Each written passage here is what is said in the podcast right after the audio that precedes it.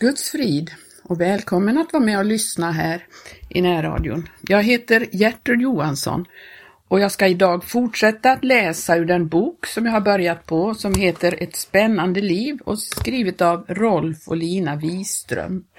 Det är skrivet på 50-talet. Jag ska läsa från kapitel 5. Hat och kärlek. Kärlek och försoning är kristendomens viktigaste innehåll.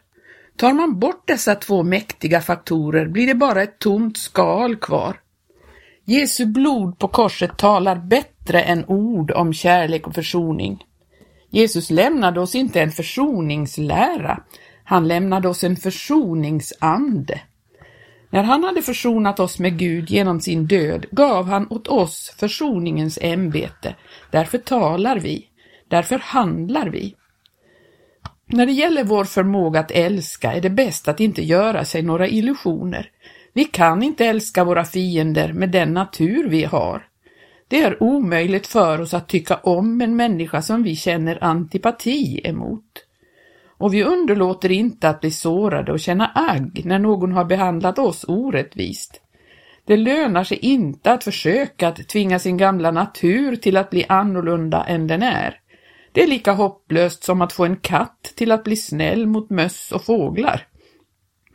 Om Jesus bara hade givit oss budet om att älska våra fiender skulle kristendomen aldrig ha blivit praktiskt genomförbar. Men Jesus gav oss inte bara ett bud, han gav oss sin ande.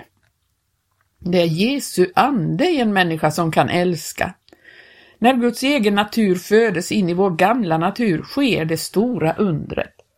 Där hatet förr dominerade får nu kärleken övertaget. Där bitterhet och hämnd gastkramade hjärtat kommer kärleken in och löser de järnhårda banden. Genom Jesu ande blir det omöjliga möjligt och här är det inte fråga om känslor och mystiska oförklarliga upplevelser. Det är bara frågan om att ta emot Guds ande. Det gäller att få något som vi inte har och vi får det när vi lyder Gud. Att få Guds kärlek att fungera i våra liv är egentligen en lydnadssak. När en människa beder om Guds ande och i tro tar emot den, får hon den. Men det är först när denna ande börjar att verka som det blir klart för oss själva och andra vad vi har fått. Och anden verkar när vi följer dess maning och låter oss ledas av dem. Den. Det går så lätt att tala om kärleken. Det är ett underbart ämne, men Johannes säger Kära barn, låt dem oss älska, icke med ord eller med tungan, utan i gärning och i sanning.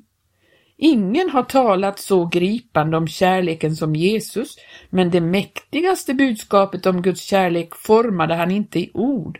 Då han visade världen Guds stora kärlek var han tyst.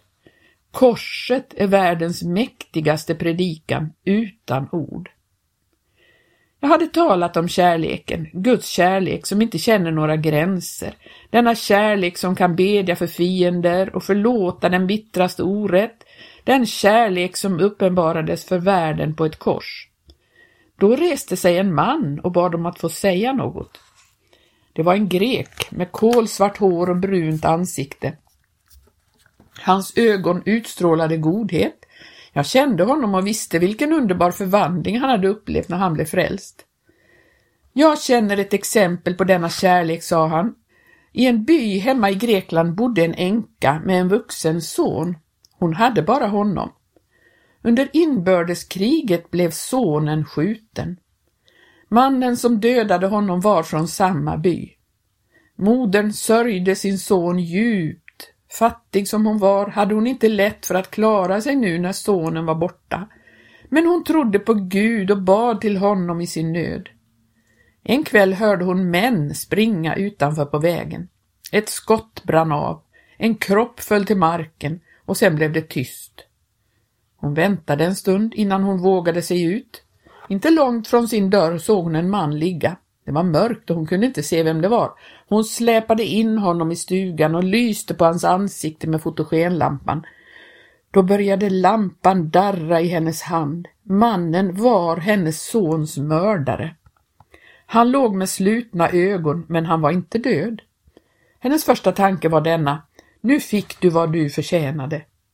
Hon satte ifrån sig lampan på bordet och ville släpa ut honom igen för att han skulle få ligga och dö där ute. Men då mindes hon Jesu ord, älsken era fiender. Hon tvättade hans sår och förband dem och så slog han upp ögonen och såg den gamla kvinnan som stod böjd över honom. Då han kände igen henne viskade han Hur kan du vara så god mot mig som har dödat din son? Jesus som dog för oss har sagt att vi ska älska våra fiender, svarade den gamla. Då kom tårarna i mannens ögon.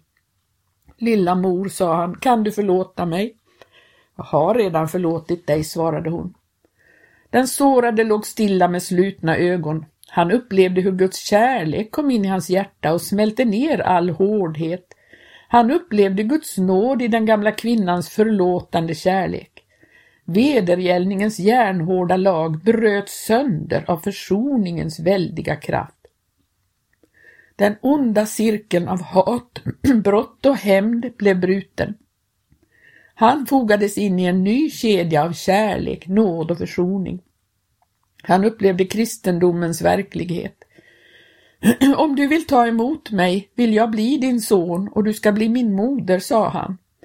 Då smekte hon hans kind med sin grova hand. Detta är ingen saga, slutade greken sin berättelse. Denna änka och denne man lever idag i en by i Grekland. Innan jag reste hit var jag hos dem och då sa hon till mig Gud gav mig en ny son. Han är så god och kärleksfull. Han sköter om mig så att jag inte lider någon brist. Vi blev djupt gripna. Guds kärlek strålade med en sällsam glans mot denna mörka bakgrund av krig och blod. Fotogenlampan i den gamla kvinnans darrande hand, den sårade mannen på golvet, det röda blodet, den mörka natten, en moder och hennes sons mördare. Det var inte bilder från en film, men en scen från det mest spännande drama i världen, från livet självt. Men även om dessa personer är verkliga och lever nu i denna stund rör de sig ändå på ett annat plan än vi i våra lugna förhållanden. Det är mycket få människor som får göra sådana upplevelser. Fastän händelsen är sann ligger den dock utanför ramen av de flesta människors dagliga liv. Denna be berättelse grep oss inte först och främst därför att den var så ovanlig och att färgerna var så starka och kontrasterna så stora, den skakade oss därför att den hade ett överbevisande budskap om lösningen på alla människors svåraste problem. Det problemet som Jesus särskilt pekade på när han lärde sina lärjungar att bedja. Förlåt oss våra skulder så som och vi förlåta dem oss skyldiga äro. Inte många ställs inför en, att förlåta en sons mördare, men alla ställs vi inför att förlåta dem som har förtalat oss, kritiserat oss och ljugit på oss. Det är underbart att höra om hur Guds kärlek förvandlade två människors liv långt borta i Grekland. Det är inte mindre underbart att uppleva hur denna samma kärlek kan förvandla oss när vi släpper in den i vårt vardagsliv. Jag har aldrig varit en stridens man. När pojkarna slogs drog jag mig undan. Inte därför att jag var feg och svag, men jag tyckte inte om att slåss. Jag ville att alla skulle vara vänner.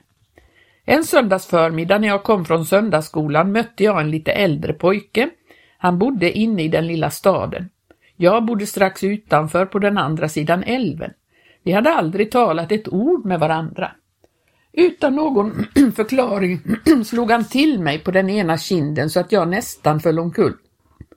Varför slår du mig utan orsak? frågade jag. Håll dig på den andra sidan älven där du hör hemma, röt han. Jesus har sagt, om någon slår dig på den högra kinden så vänd upp den andra till åt honom, sa jag, och så slå, så slå på du bara. Han stod villrådig och visste inte vad han skulle göra. Dåre, utropade han till slut och gick. När vi möttes senare under årens lopp så såg han åt sidan och gick förbi utan att säga något. Jag har en känsla av att pacifismen blev inympad i mig med modersmjölken. Jag avskydde kriget och jag kunde aldrig delta i politiska debatter. Jag trodde inte att problemen kunde lösas med våld. Aldrig skulle jag kunna skjuta en människa. När jag blev frälst fick jag för första gången i mitt liv lust att slåss. Då fick jag något att kämpa för som var värt det största offer. För Guds rike var jag villig att ge mitt liv. Jag ville tjäna konungen i detta rike. I början förstod jag inte riktigt på vilket sätt jag skulle kämpa, men det lärde jag så småningom. Det var att följa Jesus, inte med vapen i hand, men med korset på ryggen. Guds rike segrar på ett annat sätt än man är van vid i världens strider. Gud ledde mig in i korsets seger. Jag lärde hemligheten till Guds rikes framgång. Det blev ingen teoretisk utbildning, men en praktisk upplevelse av försoning och kärlek. Det kom en dag i mitt liv som kristen då jag tyckte att jag fick en fruktansvärt orättvis behandling. Hatet brände till i mig. Händerna knöts. Några sekunder darrade jag under en vild lust efter att bara slå till. Min pacifism var inte alls medfödd. I denna stund dök vildmänniskan upp i mig. Det var som när tandläkaren sticker nålen i nerven. Guds nål hade letat sig fram till själva livsnerven i min natur. Stoltheten, ärgirigheten, lusten att spela en roll.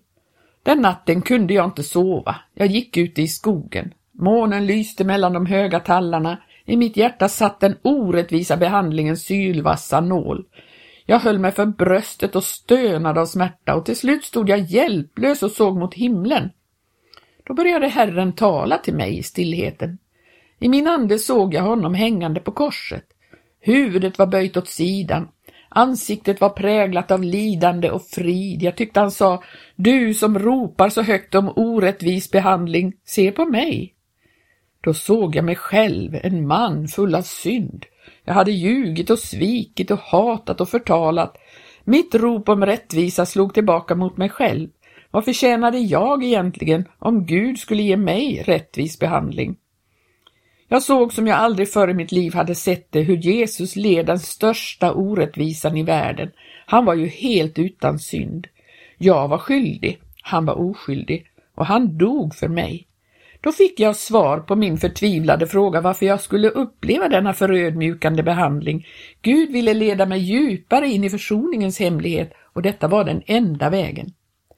Medan bilden av den korsfäste stod levande för mig nästan som en tavla mot den blå himlen där uppe bakom tallkronorna började jag tacka och medan jag tackade honom fylldes mitt hjärta av en stilla frid.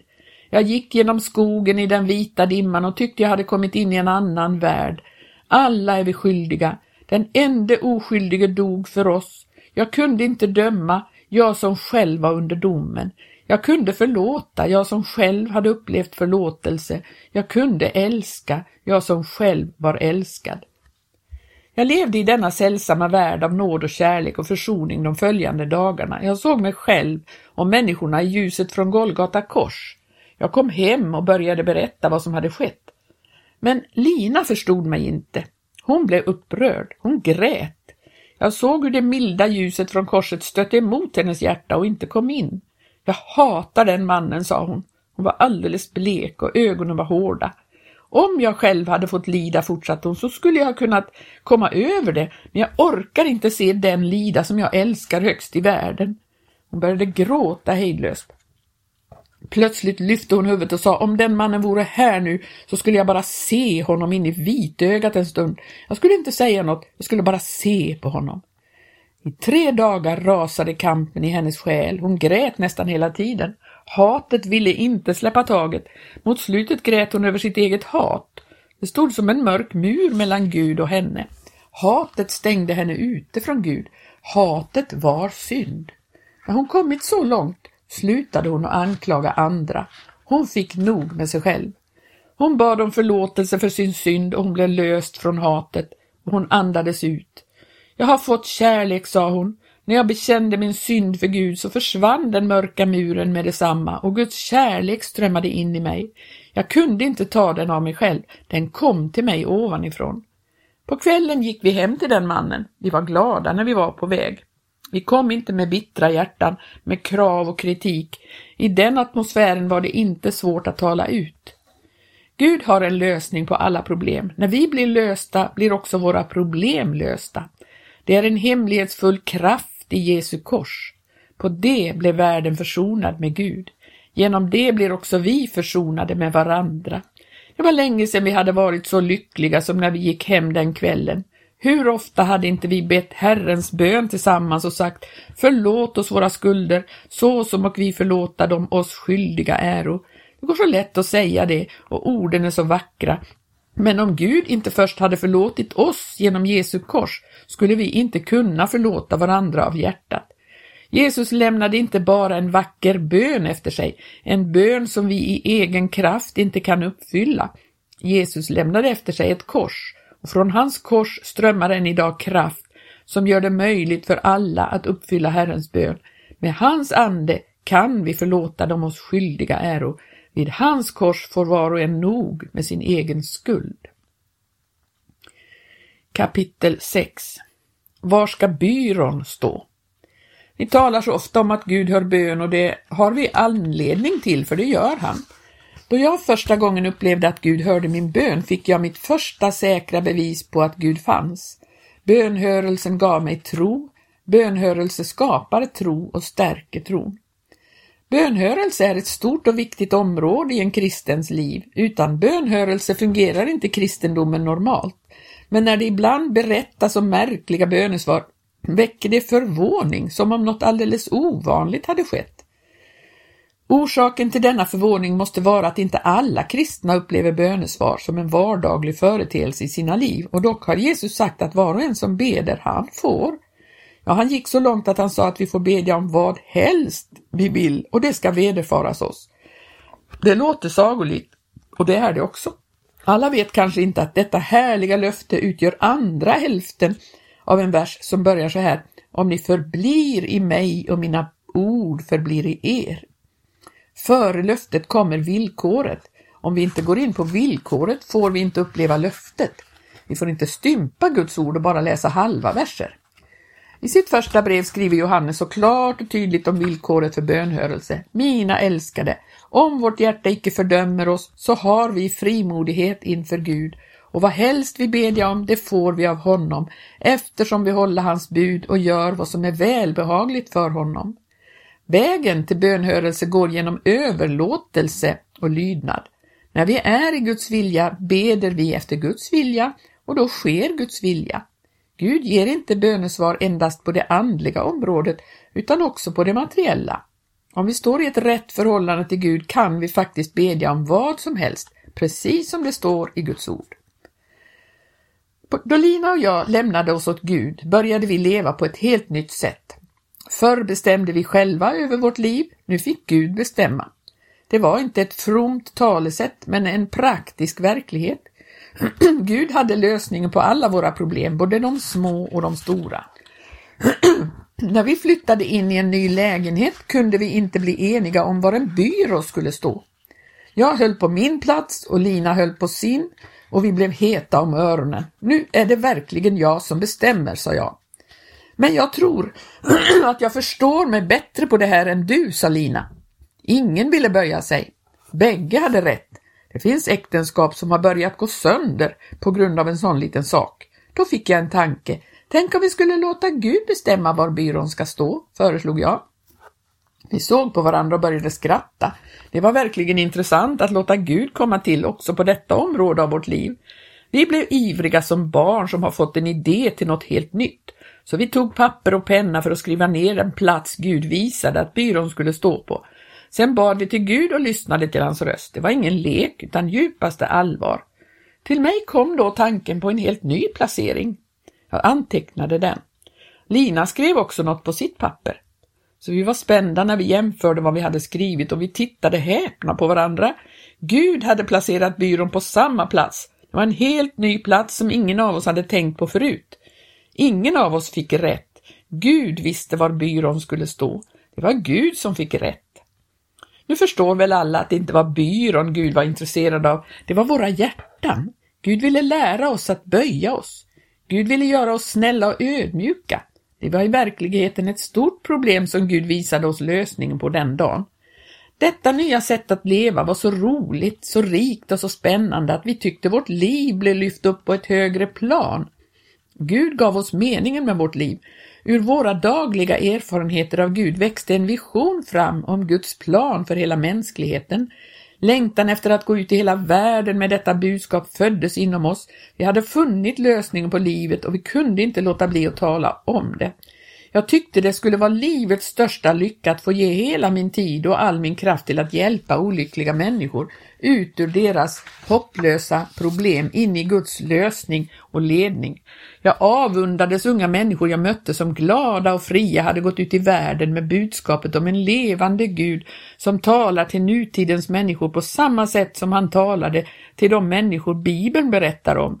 Innerst inne visste jag att jag aldrig skulle bli tillfreds om jag inte blev ett sådant sändebud. Utan att göra det klart för mig i mina tankar kände jag att jag var bestämd för denna uppgift.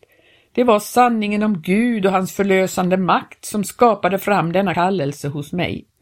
Men tanken på att lämna mitt arbete verkade så ogenomförbar att jag inte tog upp den på allvar. Jag kände mig nästan som född till lärare. Jag älskade mitt yrke och satte det högt och dessutom gav det mig den goda känslan av ekonomisk säkerhet som jag alltid hade längtat efter. Rädslan för att en dag stå utan mat och pengar hade rotats i mig sedan barndomen. Jag var ingen lyckoriddare som tanklöst skulle ge mig iväg för att förverkliga en idé, vore den aldrig så ädel och riktig. En dag blev tanken i alla fall allvar. Då hade det andra världskriget rasat över vår jord. Under de hemska krigsåren tänkte jag alltid All denna meningslösa förödelse, allt detta namnlösa lidande kommer av att människor inte känner Gud och inte låter sig ledas av honom. Jag hade egentligen inte något val längre. Det enda världen behövde höra var budskapet om Gud och hans ledning. Den som hade fått detta budskap fick också ansvaret för att förkunna det. Och ändå tvekade jag. Det ska mod till att lämna sitt gamla yrke för att gå in i ett helt nytt. Jag var utbildad till lärare och inte till predikant. Nu satt jag med hustru och fyra små barn och kände kallelsen brinna i mig. Kallelsen till en uppgift som jag inte visste hur jag skulle verkställa. Det var när jag tänkte på hur det skulle gå i framtiden som jag blev rädd. Men annars hade Gud tydligt visat mig det första steget. Jag gick inte på måfå ut i det blå. Det var dumt att tänka långt fram när det bara var frågan om det första steget. Då Lina såg min tveksamhet så sa hon, om vi inte lyder Gud har vi ingen säkerhet för framtiden. Det gladde mig oerhört att hon sa vi. Det var inte min kallelse det var frågan om, det var vår. Och så tog vi gemensamt det första steget. Sen visade Gud oss det nästa och steg för steg kom vi in i uppgiften det var egentligen mycket enkelt och vardagligt och inte alls mystiskt och oförklarligt. Det var bara det att Gud fick leda oss. Det är den praktiska sidan av det vi kallar heloffer och helöverlåtelse. Det är klart att det var inte lätt för oss att ta detta steg. Då jag inte var anställd av någon församling kunde jag inte räkna med några fasta inkomster. Jag hade inte löfte av någon människa om understöd. Men det var inte tanken på den osäkra ekonomin som gjorde mig bävande. Det var tanken på den stora uppgiften och hur vi skulle kunna fylla den som gjorde oss så hjälplöst beroende av Gud. Så länge Gud hade användning för oss skulle vi fortsätta att leva på detta nya sätt och när vi förstod att vår uppgift var slut skulle jag genast gå tillbaka till mitt gamla yrke. Det visade sig dock snart att vi hade kommit in i en uppgift som inte bara tog all vår tid, men också skulle räcka under återstoden av vårt liv. På ett eller annat sätt fick vi alltid det vi behövde att leva av. Det betydde så lite att vi hade mindre pengar när vi visste att vi hade kommit på rätt plats. Vi var lyckliga och ångrade inte ett ögonblick att vi hade lämnat den goda anställningen med de fasta inkomsterna då vi hade lämnat hela våra liv åt Gud fick vi också uppleva att han verkligen tog ansvar för oss, vår ekonomi. Det betydde inte att vi satte oss med armarna i kors och bara tog emot de gåvor Gud av nåd gav oss. Vi fick slita hårt, mycket hårdare än vi hade gjort under vårt föregående liv. Aldrig fick vi fråga efter den egna bekvämligheten, alltid gällde det att få veta Guds vilja och göra den. Vi visste att vårt liv skulle bli hängande i luften om vi inte var i Guds vilja. Vi stannar där och så fortsätter vi nästa onsdag med samma, eh, med samma bok.